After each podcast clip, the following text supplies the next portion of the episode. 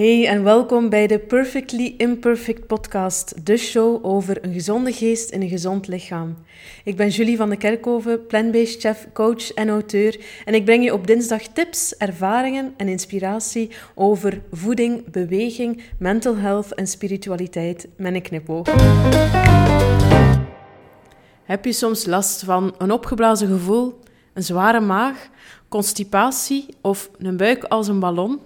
In deze podcast wil ik je vijf tips geven om je spijsvertering te verlichten, zodat je elke dag kan genieten van meer energie, een plattere buik, een sterker immuunsysteem en ook een beter mentaal welzijn. Want je zou er echt van versteld staan hoe groot de invloed is van je vertering op je gemoed, uh, je energie, maar evengoed ook je zelfvertrouwen. Want niet zo vervelend vind ik als een opgeblazen gevoel of een opgeblazen buik alsof je drie maanden zwanger bent.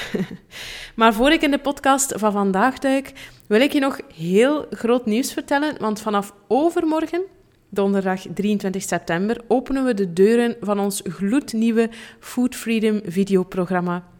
Het bevat onder andere acht masterclasses met de Food Freedom methode, waarbij ik je wil helpen om je te bevrijden van diëten en calorieën tellen, maar evengoed je energie te verhogen, je immuniteit ook te versterken, je metabolisme te herstellen en vooral een natuurlijk gezond gewicht voor jouw lichaamstype te bereiken met de kracht van gezonde vetten en ook intuïtief eten. Um, het programma bevat ook uh, een heleboel kookdemo-video's, dus daar krijg je ook toegang toe, waarbij ik je toon hoe je eenvoudige ontbijtrecepten, maar ook lunches on the go, tussendoortjes en snelle avondmaaltijden klaarmaakt. Allemaal uh, ja, low carb. En ik geef je ook veel meal prep tips om nog meer tijd te besparen.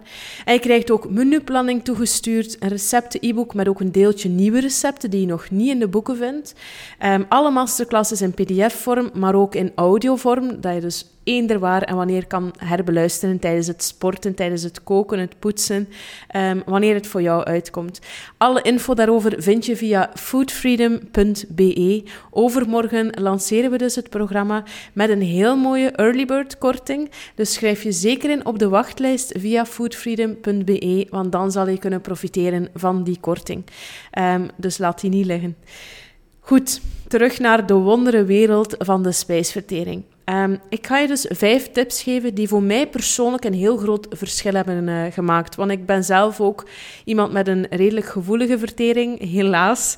Maar ik denk dat velen onder ons wel eens last hebben van een opgeblazen gevoel of een zware maag of wat het ook is. Um, en daarvoor wil ik je dus vandaag ook helpen. Tip nummer 1 is: eet alleen als je echt honger hebt. Dat klinkt misschien als vanzelfsprekend, maar we passen dat zeker niet altijd toe. Probeer tussen je hoofdmaaltijden een keer een tijdje geen tussendoortjes te nemen.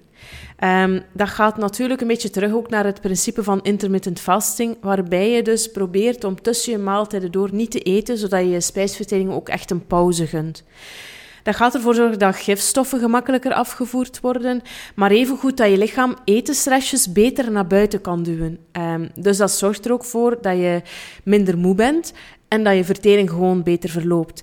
En anderzijds, als je denkt aan intermittent fasting, een van de voordelen daarvan is dat je lichaam zijn eigen DNA ook gemakkelijker kan herstellen. Want ofwel is je lichaam in feed-modus, ofwel in rest- en rejuvenation-modus.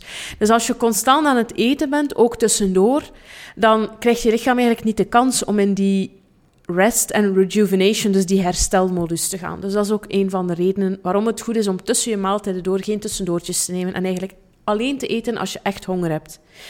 Belangrijk daarbij, en dat is iets denk ik waarbij dat velen onder ons opgevoed worden met het idee van eet je bord leeg, maar probeer nooit geforceerd je bord leeg te eten. Probeer echt je natuurlijke verzadigingssignalen te gaan herkennen en alleen te eten of nog verder te eten als je ook echt honger hebt. Want de kindjes in Afrika die worden er echt niet beter van als jij zit vol te proppen met alles wat dat er op je bord ligt, omdat je het zo geleerd bent, terwijl dat je eigenlijk al lang genoeg hebt. En restjes, die hoeven niet verloren te gaan. Die kan je gewoon voor de volgende dag of een volgende maaltijd gaan bewaren in de koelkast of zelf in de diepvries. Um, dus ja, je lichaam is ook geen, uh, geen vuilnisemmer waar dat alle restjes in terecht moeten. Dus probeer gewoon alleen te eten wanneer je echt honger hebt. Probeer je ook te bewust te worden van het verschil tussen echte honger en emotionele honger of cravings. Um, vaak eten we uit verveling, maar ook uit stress, misschien verdriet, kwaadheid of frustratie. En we eten vaak om die emoties naar beneden te duwen, zodat we ze niet hoeven te voelen. En ja, op eten is ook een manier waarop je jezelf een beetje kan verdoven, net als bijvoorbeeld alcohol. Um, ik weet dat veel mensen graag eens een glaasje drinken. En als je daar gewoon van geniet, en dat is een uh, ja, plezierige, misschien ook in sociale context, um, leuk en gezellig, dan, dan kan dat perfect. Maar als je eerder alcohol gaat gebruiken of eten gaat gebruiken om niet te hoeven voelen en om emoties echt weg te drukken, dan kan dat op termijn wel ja, voor een soort afhankelijkheid of zelfs verslaving zorgen. Dus probeer je echt te bewust te worden ook van het verschil tussen die echte honger, wanneer dat je een rammelende maag hebt of zo het gevoel een aantal uur na je maaltijd van ik heb echt honger. En het verschil daarvan met emotionele cravings, die heel snel en soms impulsief kunnen opkomen, precies vanuit het niets. Op zo'n moment kan het meer deugden om een keer te gaan wandelen of te sporten of um, ja, een goed gesprek met een vriend of vriendin te hebben, waarbij dat je een keer je, gedachten kan vrijmaken of je, je ziel kan, uh, je, je hart kan luchten, um, dan dat je een pak koekjes of een zak chips eet. Um, en ik had het al over intermittent fasting. Uh, dus eet pas als je echt behoefte hebt aan eten. En eet niet gewoon uit een maatschappelijke gewoonte of bijna verplichting om op die vaste momenten te gaan eten. Want vaak zijn we ook weer opgegroeid met de maatschappelijke gewoonte van je neemt je ontbijt rond 7 uur s morgens, dan eet je rond 12 uur s middags en dan s'avonds om 6 of 7 uur. Maar misschien heb je s morgens nog geen honger. En ben je niet echt een ontbijttype en probeer je jezelf constant te forceren om te eten terwijl je eigenlijk helemaal geen honger hebt. Dan kan je perfect gaan experimenteren met intermittent fasting en ze alleen gaan eten als je echt honger hebt. Um, dus voilà, durf daarin je buikgevoel te volgen en ook een ritme te proberen dat voor jou het beste werkt. De tweede tip, kies vooral warme dranken en maaltijden in plaats van koude dranken en afkoelende gerechten. Dat had ik nooit verwacht, dat dat bij mij zo'n groot verschil zou maken. Want ik was vroeger iemand die heel veel smoothies maakte. Ook vaak al ja, van morgens vroeg koude smoothies, eh, koude ontbijtrecepten. Terwijl ik nu gemerkt heb, en dat was een tip die ik kreeg van uh, iemand waar ik ga voor acupunctuur af en toe, vanuit de oude Chinese geneeskunde wordt dat ook aangeraden om s'morgens eigenlijk je spijsverteringsvuur al te gaan opwarmen met dus iets warms. En ik heb zelf gemerkt dat dat echt een heel groot verschil maakt. En je kan je vertering, je maag, een beetje zien als... Uh, ken je die films van Asterix en Obelix, waarbij dat er een, uh, een grote ketel toverdrank is, die hen heel sterk maakt, waardoor dat de Galliërs altijd overwinnen ten opzichte van de Romeinen? Wel, die ketel die moet ook altijd warm blijven, dus er moet daar ook altijd een vuurtje onder branden. En je kan je vertering ook een beetje zo zien je maag is dan zoals de ketel en die heeft altijd een verteringsvuur, dus een vuurtje nodig om zeg maar, die vertering goed uh, ja, werkende te houden.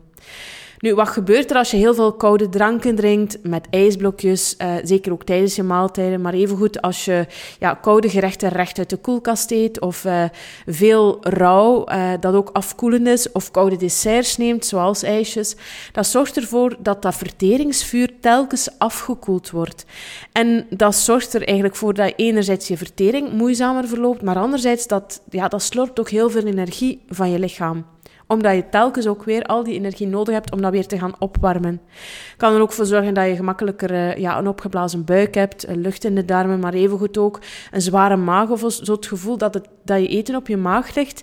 Dat kan dus ook mede komen doordat je koude dranken drinkt bij je maaltijd. Um, of iets heel kouds eet als dessert na je maaltijd. Dus probeer dat ook te gaan vermijden en probeer vooral te focussen op warme dranken. Als je iets drinkt bij je maaltijd, probeer dat dan een warme kop thee of uh, à la koffie, uh, maar dus iets warms uh, te zijn. Um, ja, koude desserts zoals ijsjes, die kunnen zelfs een koude shock geven in je maag, waardoor dat je vertering echt een tijd lang volledig stilvalt. En ja, je gaat dat misschien niet meteen aan de lijve ondervinden, maar dat kan er wel voor zorgen dat je na je maaltijd ofwel een opgeblazen gevoel hebt, ofwel een enorme namiddagdip, die typische dip in je energie. Um, dus daar ook weer, of een opge opgeblazen buik, dat het uh, vooral in je buik dan gebeurt. Dus daar ook weer kan je gaan experimenteren met, ja, gebeurt dat inderdaad in mijn lichaam of merk ik daar niet veel van? Uh, dus drink liever warme dranken. Uh, dat kan gewoon warm water zijn of uh, af en toe eens een kop koffie. Maar evengoed ehm, warme thee, kruidenthee, groene thee, gemberthee, verse gemberthee in de winter. Die gaan echt allemaal je systeem opwarmen. En evengoed als je houdt van bijvoorbeeld lattes, zoals een chai latte, kan je ook chai thee maken of chai kruiden gebruiken. Of ik gebruik ook chai collageen, vind je ook via julieslifestyle.com in onze shop. Um, en je gaat dat mengen met bijvoorbeeld opgewarmde amandel of kokosmelk. Warm die gewoon kort op op het vuur in een, in een klein steelpannetje. Uh, dat vind ik echt heerlijk. Zo'n lekker verwarmende chai latte. Dat is ook ideaal, vind ik, voor de herfst en de winter, omdat dat zo verwarmend werkt. En dan beperk ook rauwkost tot twee handen vol per dag als je een heel gevoelige vertering hebt. Zowel voor je maag als voor je darmen kan dat een groot verschil maken. Dus probeer gewoon je maaltijden zoveel mogelijk op te warmen. Um, daarom hoef je je groenten niet te gaan platkoken. Hè. Um, dus we hoeven niet terug te gaan naar die gewoontes van, van zoveel jaar terug. Maar bijvoorbeeld um, Broccoli en koolsoorten probeer je altijd te koken of te stomen. Broccoli kan je bijvoorbeeld gewoon kort stomen, waardoor je het meeste van die vitamine nog steeds behoudt, maar waarbij het toch lichter verteerbaar wordt. Dus probeer ook die rauwkost en zeker rauwe koolsoorten ook te gaan, uh, te gaan beperken. En dan probeer ook tijdens je maaltijden gewoon niet te veel te drinken. Dus uh, tussen je maaltijden door is het heel belangrijk om voldoende water en thee en zo te drinken, omdat je natuurlijk je lichaam wil hydrateren, want het bestaat ook voor 70% uit water. Um, maar te veel drinken tijdens je maaltijd is dan weer een minder goed idee, of dat het nu warm of koud is, omdat het verzwakt je spijsverteringssappen en het gaat ook je maagzuur gaan verdunnen. Dus als je al een gevoelige vertering hebt, dan is het best om te drinken tussen je maaltijden of vlak voor je maaltijd iets warms te drinken en vlak na je maaltijd een warme kop thee of koffie te drinken, maar niet tijdens je maaltijd. Een derde tip is: hou je maaltijden zo eenvoudig mogelijk met een vijftal ingrediënten. En dat was ook iets waar ik vroeger totaal geen rekening mee hield. Ik was echt iemand, ja, ik. Uh, combineerde vaak misschien zes à zeven groenten in één maaltijd, met dan nog een sausje bij met allerlei smaakmakers en dan ook nog eens dit en dat erbij. Um, want ik, ik hou enorm van heel veel smaken samen. Uh, zoals in de, in de Aziatische keuken ook vaak, of de Thaise keuken, waarbij dat alle smaken ook aan bod komen. Maar daardoor mengde ik veel te veel. En dan merkte ik ook wel dat dat wel eens voor ja, een opgeblazen gevoel of vooral voor fermentatie in de darmen eh, kon zorgen. Dus probeer je maaltijden zo eenvoudig mogelijk te houden met een vijftal hoofdingrediënten. Dan heb ik niet over kruiden en, en uh, ja, de vetten die je gebruikt, maar vooral over die basisingrediënten. Dus dat is dan bijvoorbeeld een stuk vis of gevogeld of tofu met een twee à drietal uh, groenten, maar eet dan gewoon meer van diezelfde groenten dan dat je heel veel soorten door elkaar gaat mixen. Daar dan wat kruiden bij, uh, goede olijfolie of kokosolie of boter. En dan heb je eigenlijk een ideale maaltijd die veel lichter verteerbaar zal zijn dan wanneer dat je honderden in dingen gaat mengen. Want hoe meer dat je ook in een maaltijd gaat mixen, uh, dus mengen met elkaar, hoe meer kans dat er veel meer energie naar je vertering uh, opgesloten wordt, omdat je, je lichaam, ja, moet dat allemaal verteerd krijgen. Dus hoe minder dat je ook gaat mengen, hoe meer energie dat je vaak ook over hebt. Dus uh, hoe vitaler en energieker dat je ook voelt. Uh, dus dan heb je ook minder last van zo'n typische namiddagdip. Nu, wees daar ook niet te streng in. Probeer dat gewoon 80% van de tijd toe te passen, zoals het jou uitkomt.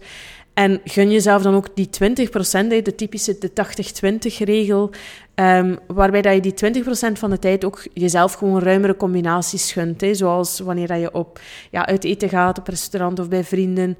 Um, je zal wel snel merken, als dat voor jou heel goed werkt, dan is het ook gewoon leuk om, eens, uh, om het ook eens te testen als je dan meer gaat mengen of dat je dan een verschil voelt. Um, dus dat kan je gewoon aan de lijve gaan testen. Maar daarover ontdek je ook veel meer in ons Food Freedom programma. De vierde tip, en dat vind ik zelf ook een heel belangrijke, is vermijd de combinatie zoet en zuur. Dat was iets waar ik vroeger helemaal niets over wist. Maar het was ook weer in de oude Chinese geneeskunde dat ik heb ontdekt um, dat die combinatie van zoetzuur echt voor veel spijsverteringsproblemen uh, of, of ja, een moeilijkere spijsvertering kan, kan zorgen. In de oude Chinese leer worden ingrediënten opgedeeld in verschillende categorieën. En twee daarvan zijn zoet en zuur. Nu, zuur wil niet per se zeggen dat het zuur smaakt. Uh, bijvoorbeeld vers fruit smaakt vaak heel zoet, maar behoort toch tot de zure ingrediënten omwille van de manier waarop het verteerd wordt. En ja, dat hoor je ook vaak tandartsen zeggen van fruit is ook heel zuur voor de tanden, net zoals suiker, net zoals frisdrank. Um, en dat komt dus door het effect ook op je glazuur bijvoorbeeld. Maar dus um, probeer die zoete ingrediënten niet te veel te mengen met zuur. Nu, wat zijn zoete ingrediënten en wat zijn zure ingrediënten, vraag je je waarschijnlijk af. Zoete ingrediënten die omvatten alle zoete groenten, dus dan heb ik het over rode biet, wortel, pastinaak, ook zoete aardappel. Maar ook uh, zoete ingrediënten zijn bijvoorbeeld granen en ook pseudogranen, dus zelfs uh, bijvoorbeeld rijst, haver, um, uh, wat heb je zo nog? Um, boekweit, quinoa, amarant, dat zijn ook allemaal zoete ingrediënten. En dan ook peulvruchten zoals linzen, bonen, kikkererwten, dat zijn ook allemaal zoete ingrediënten. Kastanje bijvoorbeeld ook. Uh, dat is zo'n uitzondering in de noten en zaden. Uh, dat is ook een, een zoet ingrediënt. Terwijl zure ingrediënten, dat zijn dan alle ja, zure smaakmakers zoals kappertjes, olijven, uh, zonnegedroogde tomaat. George is hier even stout. George, nee. Hij is onze achtergrond aan het inspecteren. Oké. Zure smaakmakers, dus kappertjes, olijven, zonnegedroogde tomaat, maar evengoed uh, sauzen zoals ketchup, mayonaise, béarnaise, tartaar, uh, sojasaus. Dat zou je misschien ook niet vermoeden, maar dat is ook een zuur ingrediënt. En dan um, ook alle soorten azijn, citroensap, limoensap. Uh, ja, dat proef je ook echt. Hè. Dat zijn ook zure ingrediënten. Ingelegde groenten, zoals gepekelde groenten, eh, kimchi, eh, zuurkool, dat is ook allemaal zuur. Maar ook dus vers fruit, fruitsap en ook sorbet, fruitsorbet, behoren tot de zure ingrediënten. En dan een laatste zijn ook de alcoholische dranken, zoals champagne, cava, witte wijn, roséwijn, sterke dranken. Dat behoort ook tot de zure categorie. Nu, de reden waarom dat je zuur en zoet beter niet te veel mengt, is omdat die volledig anders verteerd worden. Zoete ingrediënten, zoals bijvoorbeeld een zoete aardappel um, of rijst, daarvan start de vertering al in de mond. En die houden enorm van een basische omgeving, geen zure omgeving. Dus die willen eigenlijk, die worden al een beetje voorverteerd via enzymen in ons speeksel en door het kouproces. En die willen daarna zo snel mogelijk naar onze darmen gaan. Nu, als je die gaat mengen met zure ingrediënten, zoals bijvoorbeeld een stukje vlees of bijvoorbeeld um, ja, zuurkool of kimchi in een, uh, in een Aziatisch gerecht, die zure ingrediënten, zoals een stukje vlees, die willen zo lang mogelijk in de maag blijven, bij het maagzuur, omdat die daar eigenlijk optimaal verteerd worden. Terwijl zoete ingrediënten, die willen zo snel mogelijk naar de darmen, want die hebben meer die basische omgeving nodig. Dus als je die gaat combineren, dan liggen die zoete ingrediënten vaak te fermenteren bovenop die zure ingrediënten. Of gewoon de combinatie zorgt voor die fermentatie en die start ofwel in de maag ofwel in de darmen. Um, en dat kan dus zorgen voor eh, allerlei symptomen in je spijsvertering. Van een opgeblazen gevoel tot maagkrampen, tot misselijkheid. Maar evengoed kan dat in je, vooral in je darmen dan weer gaan gebeuren. Met een opgeblazen buik, um, krampen of precies wat buikpijn, lucht in de darmen. Dus dat zijn allemaal symptomen die kunnen wijzen op die combinaties die moeilijker verteren. Dus vandaar, um, probeer gewoon zuur en zoet niet te veel te mengen. Nu wel, het goede nieuws, als je ingrediënten uit de categorie zuur kort gaat opwarmen, dan worden ze neutraal. En kan je ze dus veel gemakkelijker gaan combineren met zoete ingrediënten. Bijvoorbeeld, uh, typisch kip met appelmoes. Appelmoes is goed verwarmd geweest, dus dat fruit wordt al iets neutraler en kan je gemakkelijker zo gaan combineren. Hetzelfde met een ovenschotel van zoete groenten, zoals zoete aardappel. Als je dat wil gaan combineren met bijvoorbeeld kappertjes of olijven, um, steek die dan gewoon mee in die ovenschotel en zorg dat die goed verhit zijn. Um, hetzelfde met bijvoorbeeld um, appelsiederazijn dat je graag gebruikt in een gerecht of in een vinaigrette. Zorg ervoor dat dat mee verhit is, want dan wordt het ook neutraal en kan je het gemakkelijker gaan combineren met zoete uh, ingrediënten. Um, nu, een paar voorbeelden van de combinaties die je beter vermijdt, is bijvoorbeeld uh, een risotto met een glas wijn. Of brood met, um, ja, bijvoorbeeld brood bij het aperitief met een, een glas champagne. Of wat heb je zo nog? Uh, aardappelen, ook weer met een gerecht waar je een glaasje wijn of iets van alcohol bij drinkt. Het is beter om die niet te gaan mengen. En dan beter, als je een glas wijn wil drinken bij je maaltijd, te kiezen voor um, iets van ja, dierlijke eiwitten dus, of plantaardige eiwitten, zoals bijvoorbeeld tofu of vlees of vis. En dat te gaan combineren met groene groenten. En dus niet die alcohol te gaan combineren met zetmeelrijke koolhydraten, want dat is dan weer dat zoete met dat zure. Um, dus ja, dat is uh, een hele boterham over zuur en zoet. Um, maar dat kan je dus wel al gaan testen, eh, want voor mij maakt dat echt een heel groot verschil. Vooral naar opgeblazen buik, want daar ben ik heel gevoelig aan. Um, dus zo kan je het zelf ook gaan proberen. En dan de vijfde tip heeft dan niet per se niet meer te maken met wat je op je bord legt en hoe je het combineert, maar wel met hoe je eet. En dat is eet zo bewust mogelijk en op je gemak. Ik vind dat we in onze huidige maatschappij vaak heel opgejaagd zijn en dat we snel, snel eten, of dat nu achter je computer is, of uh, ja, omdat je nog aan het werk bent, of mm, bijvoorbeeld omdat je een Netflix-serie aan het kijken bent of YouTube. Of misschien zit je voor de televisie. Of je zit misschien in de auto te eten. Ook weer snel, snel tussendoor. En daardoor nemen we niet echt niet meer de tijd om onze maaltijd goed te kouwen en ook niet goed te verteren. Um, want hoe sneller en hoe opgejaagder dat je eet, hoe groter de kans dat je ja, vaak ook in gewicht bijkomt, omdat je lichaam heeft minstens 20 minuten nodig om een verzadigingssignaal te kunnen geven uh, vanuit je hersenen naar, allez, vanuit je vertering naar je hersenen, waardoor dat je lichaam eigenlijk weet van nu heb ik genoeg. Dus als je altijd snel, snel opgejaagd aan het eten bent, uh, misschien 5 à 10 minuten, dan, ja, dan gaan die verzadigingssignalen eigenlijk nog niet de kans hebben gehad om door te komen naar je hersenen. En zal je vaak meer eten dan wat je nodig hebt en vaak ook nog een dessert of een tussendoortje net na je maaltijd nemen.